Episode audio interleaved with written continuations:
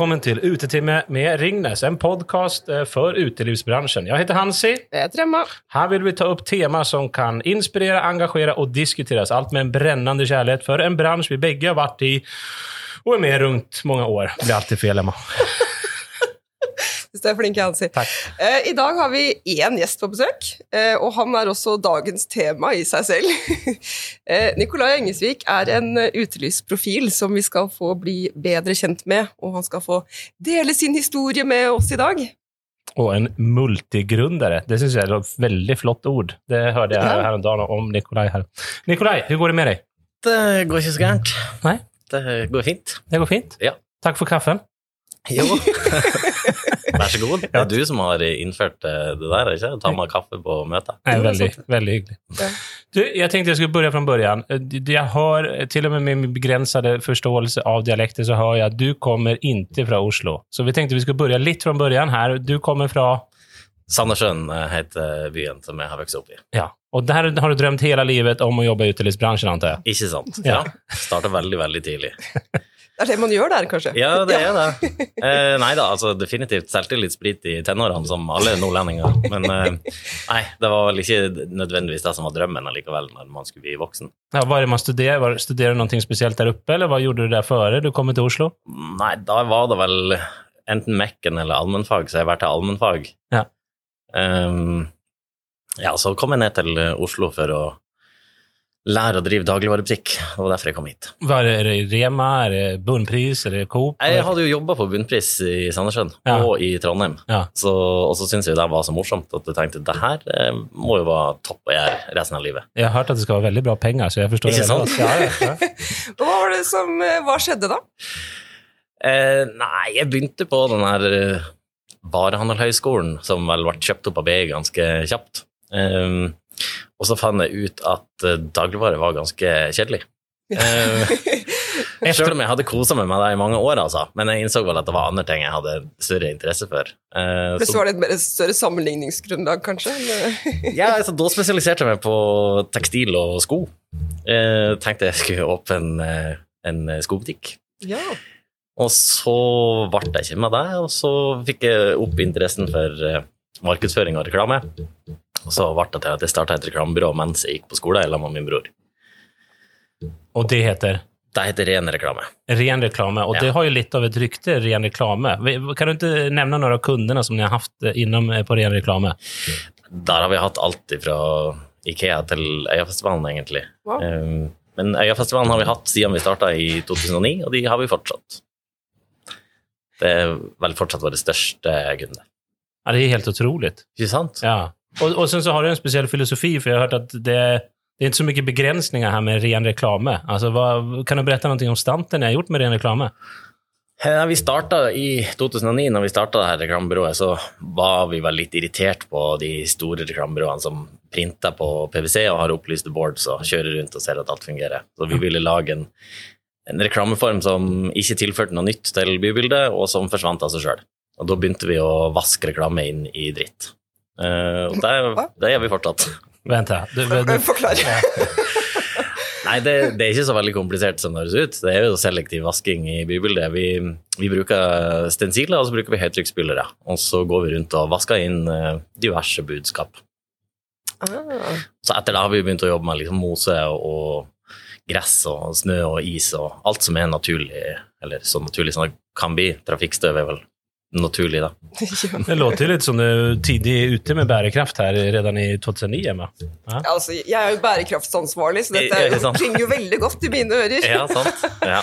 Jeg tror faktisk vi var litt vel tidlig ute. Altså. Det, er jo, det tok ganske mange år før, før vi begynte å få forespørsler fra de store. I hvert fall. I starten var det liksom Greenpeace og festivalene som hadde lyst til å jobbe med oss. Ja, ot- och men jeg har hørt også, det, det går jo litt sånn sus om, om operan. Hadde du ikke et oppdrag der også? Eh, jo, vi har tagga ned operaen ja, for noen år siden.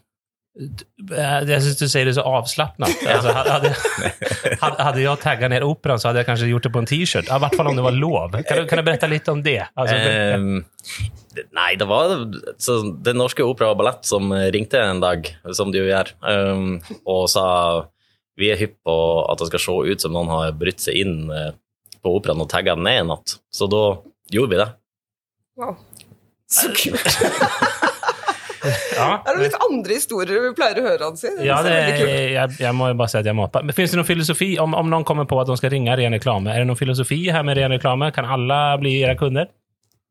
Ja, altså, alle kan jo bli våre kunder hvis de betaler godt nok, selvsagt. Men, eh, men eh, nei, vi har lyst til å jobbe med, med produkter og kunder som vi sjøl kan stå inne for. Ja. Vi. Det förstår jag. Men det var inte reklambranschen vi skulle, men jag märker att jag vill ju höra mycket mer om det. Men vi ska spåra tilbake, och så ska vi prata om din väg in i utelivsbranschen. Då Mm. har ni studerat, eh, du och din bror, och ni har startat reklambyrå och Mm. var, vi plockar upp tråden där igen. Vad är det som händer? Eh, nei, når man starter starter Grand Prix, så tjener man jo ingen penger på det. Eh, selvfølgelig, fordi man har jo ingen kunder. Man, eh, man driver og jobber gratis og alt sånt. Så da trengte jeg å finansiere eh, det, eller jeg å ha råd til husleie. Så da begynte jeg å jobbe som dørvakt, hvilket var helt utenkelig for meg. Jeg søkte selvfølgelig som bartender, tenkte det er sikkert kjempeenkelt, og så kan jeg få litt billigere øl og, og sånn. Ja. Men han jeg søkte til, han eh, så ikke for seg at jeg kunne gjøre det spesielt bra i bar. Men eh, så var jeg ganske høy, så da tenkte han at ja, ja, men da passer du sikkert i døra, da. Og, og du har kjent at du, du har gått på masse kampsport innan, men det skal man ikke behøve gjort. Men, men det var, på den tiden så var det gjerne mange som hadde gjort det. Jeg var en uh, høy og tynn og ganske sånn femi fyr. uh, og jeg kunne absolutt ikke slåss. Ja. Eh, men det gikk eh, bra. Jeg hadde jo snakketøyet, for så vidt, og ja, jeg vet Kanskje folk syntes synd på meg, kanskje det var derfor jeg aldri fikk bråk. Men jeg sto nå i døra i, i ti år etter det, da, så det var på en måte det som var min, min inngang til uteliv. Hva er det for stedet her? Det stedet som jeg starta på, det heter Evergreen. Evergreen. Det lå i. Pilestredet. Der har jeg vært. Så jeg begynte å jobbe der når det gikk fra 18 til 20-årsgrense, og da var jeg altså 20 sjøl. Okay, ok. Men det her ga mer smak, det her med uteliv, eller? Ja, det gjorde jo det. Som sagt, det ble jo ti år eh, i døra, og det var faktisk eh, Jamal som drev Evergreen, som en dag ringte meg i 2011 og sa er du hypp på å være med og starte utested? Og da hadde jeg vel kanskje, kanskje tenkt tanken, eh, men han hadde jo rett eh, den gangen tilbake i 2005 at jeg ikke passa så godt i bar, så jeg hadde liksom slått det litt fram òg. Men jeg syns det var kjempespennende. Da hadde han eh, kjøpt uh, Fyrhuset Cuba i Cubaparken, og så ble det vel egentlig bare meg der. Så hadde jeg vel ikke vært der sånn fryktelig lenge før han som hadde vært markedssjef i Øyafestivalen, eh, ringte og spurte om jeg hadde lyst til å være med og starte det teiteste utestedet ever. Og der viste det seg jo være Kulturhuset. Eh, men det var jo liksom Hvorfor det teiteste? for det var en litt sånn rar satsing. Vi skulle overta et eh, svært postkontor på, på Jungstorget. Vi hadde en leiekontrakt som gikk ut liksom etter en, ett og et halvt år. Og vi var en hel gjeng med forskjellige mennesker som, som de på en måte satte i sammen, som de tenkte de her er folk vi har lyst til å jobbe med. Så da, den gangen tenkte jeg at jeg kan bare ha ett prosjekt i slengen. Så da avslutta jeg samarbeidet på Fires Cuba, og så ble jeg med på Kulturhuset i stedet, som jo ble en kjempesuksess. Og da var det vel egentlig gjort. Da hadde jeg jo drevet la med Jamal, som var den første som ansatte meg i uteliv, og så Arnt, som jeg hadde jobba med i mange år i, i ren reklame, og da var jo også Runar Eggesvik. Eh, og så fant jeg ut, eh, når vi hadde drevet en liten stund, at jeg er jo nødt til å bevise til folk at eh, jeg trenger ikke de her store huggertene som har jobba med det her i mange år, for å drive uteplass. Så da starta jeg liksom, lagde jeg min første baby. Ja. Vent, vent, vänta. Jeg syns det går litt fort her. Ja, for att du, du jobber i døren, og sen så får du et samtal. og jeg tror ikke alle dørvakter der ute får et samtal. Vil du være med og åpne utested? Ok, ni öppnar, eh, i Kubaparken der. Mm. Og så får du samtal til. Det virker som det er mye tilfeldige samtal her av folk som bare sier sånn du, skal du være med og starta eller har, har du skrivit upp ditt telefonnummer på några speciella steder, eller vad är det som händer här? Har ikke du fått Nei, em, jeg tror Jamal var nok eh, ganske tilfeldig. Eh, Han eh, Altså, vi hadde vært gode venner. Eh, Når han solgte Evergreen, så ble han litt borte i, i et par år, jobba med kunst og musikk og, og litt sånn. Og når han var klar igjen, så hadde vi snakka veldig mye underveis. Han var veldig stor fan av ren reklame og ting som jeg holdt på med, så jeg tror han på en måte bare hadde funnet ut at han var hypp på å gi meg en sjanse på liksom, å komme videre. Mm. Eh, mens eh, Arnt og Trøbbelskytter, som jeg hadde jobba mye med Jeg hadde annet vært vaktsjef på Sukkerbiten, som jo var Ja, ja, ja. festivalen i, i starten. Eh, han hadde nevnt før at både jeg og hun som jeg var sammen med på den tida, vi, vi kunne tenke oss å være med og starte et utested. Mm. Så det var vel ikke helt tilfeldig. Men eh, i god ja, det gamle trøbbelskyter eh, Arnt og Runar-stil så tok det jo liksom ei og en halv uke fra jeg hadde bare nevnt det til han kom med to alternativer og sa det her kan jeg tilby. Og, og sen så eh, sa du det her var det mest idiotiske prosjektet jeg jag någonsin hört talas om. Kan ikke du ta oss gjennom den reisen, altså fra det mest idiotiske prosjektet, og så ble du jo med, og sen så vet vi jo, som du sier, en sättning efteråt, det var en stor suksess. Det gikk jo litt fort der, fra det mest idiotiske prosjektet jeg jag någonsin hört talas om til, till och kjempesuksess. Nei, idiotisk er vel kanskje å ta litt, Ja, litt okay, i, men det, det var jo på en måte et, et, eh, Det var jo litt gærenskap, sant. Ja. Som sagt, veldig kort leiekontrakt, ekstremt svært lokale. Masse å gjøre. Et gammelt postkontor på Youngstorget, liksom. Hva man skulle, hva man skulle foreta seg der. Eh, men det var jo veldig mye bra folk. Eh, Det var jo jeg og, og Maria, som var kjæresten min på den tida, som, som hadde minst erfaring, definitivt. Så det var jo en bratt læringskurve for oss. Och vilka var, var de andra, så att vi förstår buketten här?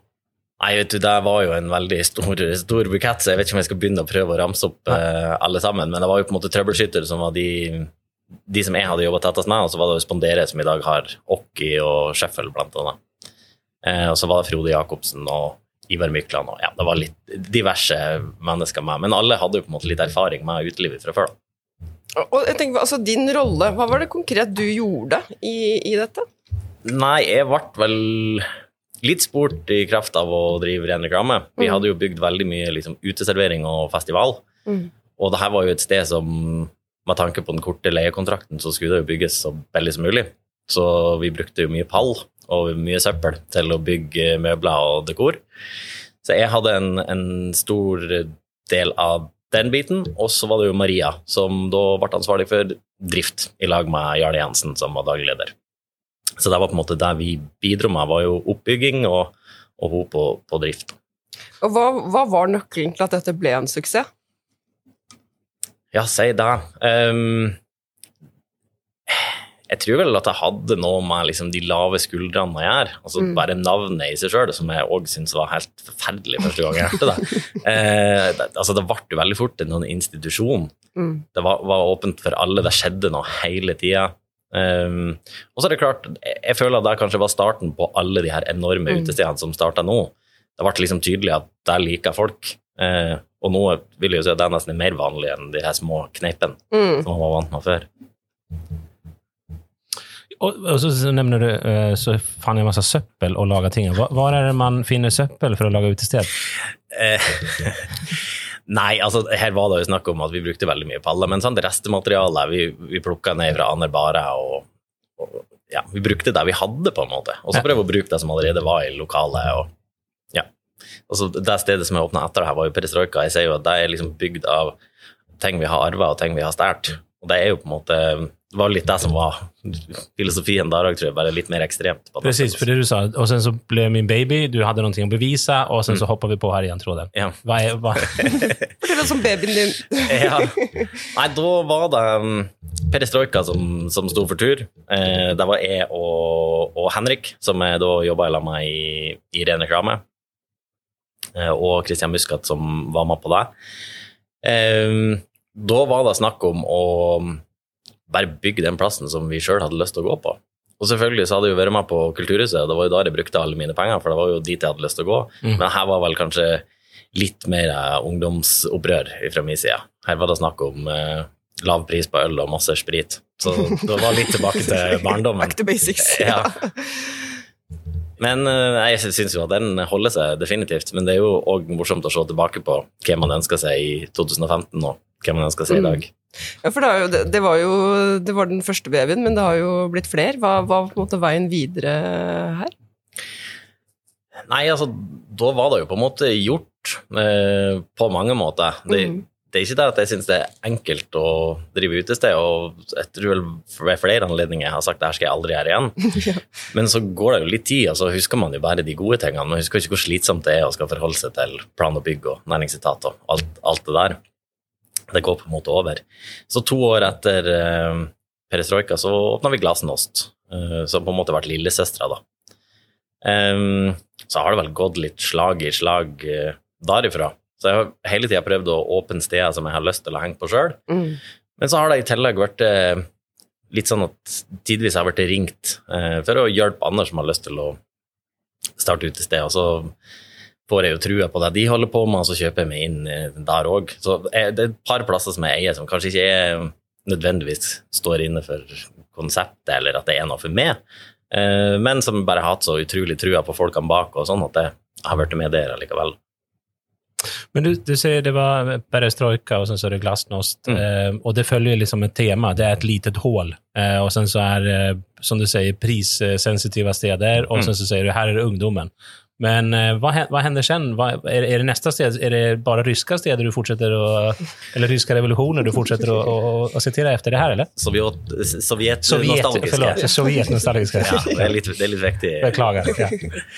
Nei, så tok det vel ikke så fryktelig lang tid før eh, Arnt Andersen ringte meg igjen og sa har du lyst til å leke mer. Og da var det jo et litt større sted igjen. Da var det Prinsen Hage eh, som sto for tur. Og igjen så var det jo Denne gangen var det jo jeg og Henrik som ble spurt. Og det var jo litt i kraft av å være ren reklame der òg. Vi hadde bygd fryktelig mye festival, og det her var jo 2000 kvadrat utendørs. En grushaug der sprøyterommet hadde stått før. Så da ble vi jo med på det.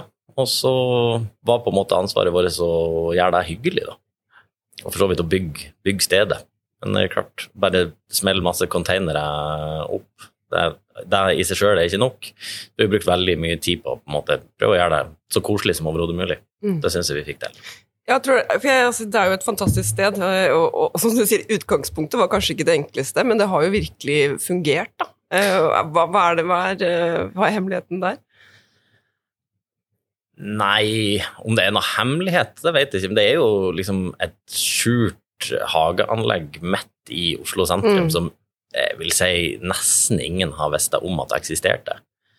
Um, og det er klart, så fort man har klart å få den hagefølelsen der, så er det jo vanskelig å mislike det. Mm. Det er klart det har vært, det har vært litt utfordrende å komme seg til stedet. Det har jo vært mye veiarbeid og sånt i, i Storgata.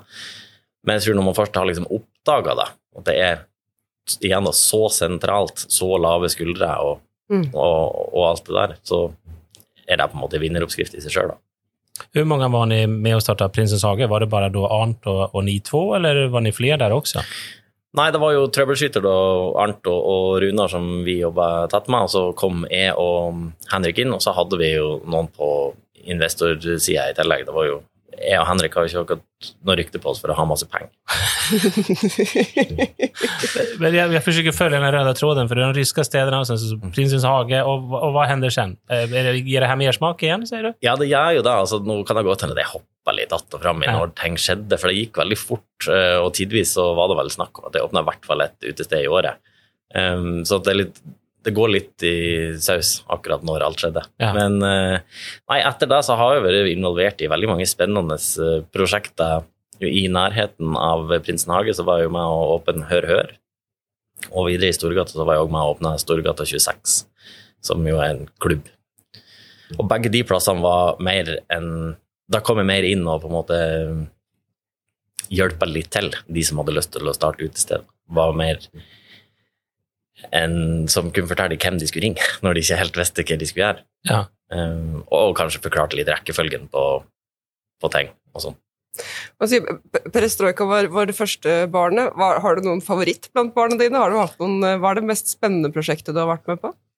Um, spennende. Altså, Alle har vel på en måte sine utfordringer og sin sjarm. Selvfølgelig så var jo kanskje Kulturhuset det stedet jeg lærte aller Mm. mest, da. Det var veldig bratt eh, læringskurve. Men um, i 2019 så åpna jeg et sted som heter Torvalds i Torvald Meyers gate. Og da var vel da hadde jeg vel litt den samme følelsen som jeg hadde på Perestrojka. Det var på tide å lage et nytt sted som jeg hadde lyst til å henge sjøl. Mm. Eh, Men denne gangen så var det ikke spriten så veldig viktig, og heller ikke prisen.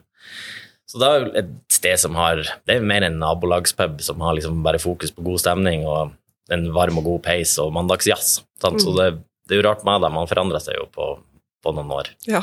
Så på de her småställena, da tar vi bort Kulturhuset og Prinsess Haga, så er det egentlig din, din ungdom vi møter, og vart til livet du er, eller? Er det det du sier? Ja, tilfeldigvis så tror jeg kanskje at det er litt sånn.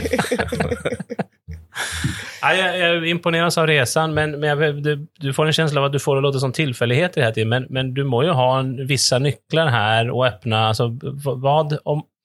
För det har, vi har ju varit igenom en lång tid nu med nedstängningar og diverse, og sen så nu öppnar det upp igen. Alltså för folk som har tru og vil öppna nytt, Mm. har du noen konkreta tips for, for folk som ønsker å öppna nytt? Ikke gjør det.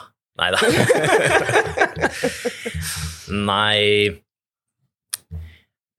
Det som jeg sa, jeg endte jo opp her på, på slump sjøl. Men det er klart det er sikkert mange som går og har lyst, men uh, som i alt annet så tenker jeg at det er det man skal gjøre. Man skal gjøre det man har lyst til. Uh, det er ikke noe vits i å gå rundt og, i en jobb som ikke gir deg noe, hvis det er det som er alternativet, i hvert fall. Men akkurat hvordan man skal gå frem, det syns jeg er litt vanskelig. Ja. Altså å skal forholde seg til gårdeiere og eh, ja, eller å skal kjøpe en eksisterende bar eller sånt, syns jeg er kjempevanskelig. Så den, den biten er på en måte mm, opp til hver enkelt. Så flere ganger så kan det jo være at man bare går forbi et lokale som står tomt, og så tar man en telefon og sier hva er det her? Ja. Det er vel kanskje den vanskeligste biten, det er jo akkurat det der å finne ut hvor i all verden skal man. Mm. Etter det så er det jo bare morsomt. Altså, da er det jo bare å rive og bygge og snakke med leverandører Ja. ta alle kurs. Og. Men, men for, du, du nevner at du öppnar, alltså, du öppnar inte alla stedene alene. Syns Nej. du det er en fordel å være, være flere når man gjør det, sam, alltså, gjør det sammen? Ja, absolutt. Ja. absolutt. Det handler jo både om kapasitet eh, som man har, Ja. eh, men så handler det jo om kunnskap og, og ferdigheter. Ja. Og man kan jo dessverre ikke være best på alt.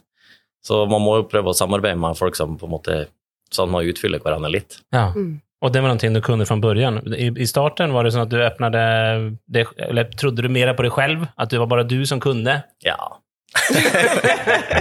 Nei da, jeg gjorde vel ikke det.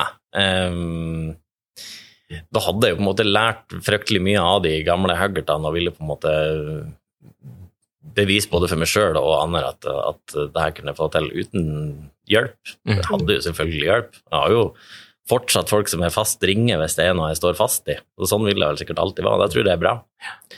Eh, men nei ehm, Jeg har vel ikke trodd at jeg var best på alt. eh, alltid. Kanskje det ser sånn ut av og til. Men det er veldig mange ting jeg ikke kan. Eh, Blant annet å stå i bar. Jamal hadde rett hele tida. Det kler meg ikke i det hele tatt. Så bare der så er det kanskje litt rart å åpne en bar når man ikke kan stå i den sjøl. Men uh, Men det er det derre, som jeg, sånn som jeg hører på deg, så er det litt det derre når du har eh, noe du Dette er, vil være mitt sted, Mm. eh, og har den eh, hjertet for det. Det er kanskje litt det som er nøkkelen også til å lykkes, at du har den visjonen og, og det du måtte dras mot selv. eh, Absolutt. Som, som gir en ekstra passion inn i, inn i et prosjekt. Jeg tror det eh, Jeg skal ikke si at det er veldig dumt, men, jeg, men jeg, jeg tror det er veldig mye vanskeligere å skal åpne et sted som du tror folk har lyst til å gå på, Mm. i stedet for å bare åpne det som du har lyst til å gå på. Mm. Um, for som, som ofte så er man jo ikke alene uh, med, med å like ting. Det ser man jo på, på de plassene som eksisterer. Mm. Men å skal liksom prøve å finne ut hva andre folk tenker, og ja, folk vil sikkert ha sånn, og folk vil sikkert ha sånn, det, det tror jeg er litt vanskelig. Mm. Du har samarbeidet med mange dyktige folk som er Mm. gode på sine områder, og, Mm. og vært involvert i mange forskjellige prosjekter. Jeg tenker, hva, tenker du sånn, Noen lærdom du har fått underveis som tenkte at den var ganske tøff, eh, men, men har på en måte gitt deg mye, mye underveis? Er det noe, eh, noen ganger hvor det har vært litt sånn katastrofe, og så, og så har du kommet videre med litt ny, ny lærdom? Eh, nei, altså noen katastrofer blir det selvfølgelig. Og en av de tingene er jo selvfølgelig at alt tar lengre tid enn man tror. Men jeg har ikke lært noen ting av det. Du, vet det, men du Jeg, har- jeg, jeg går alltid inn som tidsoptimist, og jeg nekter å rekke. Um, jeg tror at ting går så fort, og at uh, byråkrati, det er bare Det bare overser vi. Um, men det har vel flere ganger vært at jeg har annonsert nyåpninga et sted og har måttet utsette fordi vi mangler en krusedull fra plan og bygg eller Mm. et eller annet sånt. Men lært, nei. Nei. Og så kommer vi tilbake til et par ganger at du, du, du prater om utseende på stedet, og du prater om festivaler, og du samler skrot, og du samler eh, ting og rundt omkring for å skape stemning. Hva er det, hva med, deg, hva er det som skaper stemning altså i en lokal? Hva er det du ser efter? Ja, så det er vel liksom oftest folkene som som skaper den stemninga. man kan jo bygge et sted så fint som man bare vil, men det er jo ikke så hyggelig uten menneskene som er der. Men jeg tror en ting som har vært viktig for meg med alt jeg har vært med på, det er akkurat det her eh, evinnelige lave skuldrene. da. Ja. At man skal, man skal, åpne møteplasser som alle føler seg velkommen på, eh, og som er, og skal være for alle. Eh, og det er klart vi snakka om å være prissensitiv og, og, og, ikke, da, selvfølgelig. Så om man, om man satser på veldig kvalitet, så kan man jo på en måte ikke please de som er veldig prissensitive. Så, sånn vil man jo alltid på en måte henvende seg til forskjellige folk. Men det er noe med de lave skuldrene og liksom føle seg litt sånn heime, som at uh, det, det, er mange som har presentert perestrojka som 'det her er stua mi'. Mm. Uh, og det er jo ingenting som gjør meg mer lykkelig enn det. Men uh, ja, jeg syns jo òg det er litt trist og skrotete som det ser ut der. Men, men det er jo en sjarme med det. Det er vel kanskje det jeg har prøvd, og det er det jeg syns skaper stemning. Men om det er at det er kjempedyr kunst på veggene, eller om det er at man har hengt, limt noen aviser som tapet, tror jeg bare det kommer litt an på, på stedet. Ja, du tar jo med deg for nå, Fortell litt, hvordan, nå skal dere åpne et uh, nytt sted. Ja. Gamle Gåsa. Stemmer det. Og hva er det du tar med deg inn i det her? Hva er, hva er konseptet? Hvordan uh... Nei, det er jo et veldig godt spørsmål, det er det. Um, det her er jo et bygg fra 1698 Eh, så det er jo begrensa hva vi får lov til å gjøre. Vi skal søke til byantikvar om hver spiker som skal inn i veggen, eller hvis vi har lyst til å, å male, eller hva enn. Så vi kan jo ikke bare gå inn der og gjøre det helt til vårt eget, og egentlig heldigvis, for det er jo et bygg som har ekstremt mye sjarm. Mm. Konseptet der, det er jo et sted som skal hete Folk, eh, så det går kanskje litt i det jeg sa. Det skal være et sted som er åpent for for alle, og, og, da folk skal føle at de kan komme og senke skuldrene og, og ta seg en, en, pils. Men det vil vel være et hus som er basert på aktivitet. Vi kommer til å gjøre mange bookinger sjøl, ikke bare legge opp til at uh, Anders skal booke til våre sted, men vi mm. kommer til å ha egne bookere som skal booke relevante ting. Og her er vi jo, i likhet med Kulturhuset, ekstremt mange eiere. Vi er jo elleve stykker på wow. eiersida. Ja. Uh, og der alle har liksom sine egne kvaliteter. Um, og det tror jeg blir veldig bra. Mm. Her blir det også musikkarrangementer, den type ting. Du jo, og du har jo litt erfaring fra festival. Det, drar du det inn i dette? Nei, det er litt trist å si. Altså, jeg har vært på ekstremt mye festival i mitt liv pga. det. Jeg har jobba med så mange, men uh, jeg er ikke sånn kjempeglad i konsert. Um, så da har jeg heldigvis uh, folk på laget som er veldig flinke med det, og veldig ja. glad i, i konsert. Um, ja. ja. Nei, jeg vil uh, takke deg for din tid, Nikolai. Uh, jeg har lært meg at man skal åpne i lag med mange. Jeg har lært meg at det skal være noe sted du selv vil gå på. og at lava skuldre er nøkkelord for om man skal åpne sted. Men fråga det siste. Oppmuntrer du andre til å følge sin drøm åpne steder? Selvfølgelig. Selvfølgelig. Og nå, jeg, jeg, så at du kalte sommeren 2022 frihetens uh, sommer. Ja. Det er nå det skjer. Det er nå. ja, det er nå det skjer. Ja. Jeg tror det her kommer til å bli en, eh, en fantastisk uh, sommer. Sjøl om folk skal reise utenlands i år. La oss uh, satse på det. Vi får gjøre vår innsats, Hansi. Gå ut og ta noen gode øl i, i sommer. Absolutt. Absolutt. Tusen takk til, for, til vår gjest Nikolai Engsvik. Takk for at jeg fikk komme. Og tusen takk, produsent Nils Nirisrud og eh, redaksjonssjefen vår Johanna. Ja. Takk for nå. Og husk å like, del Og abonner.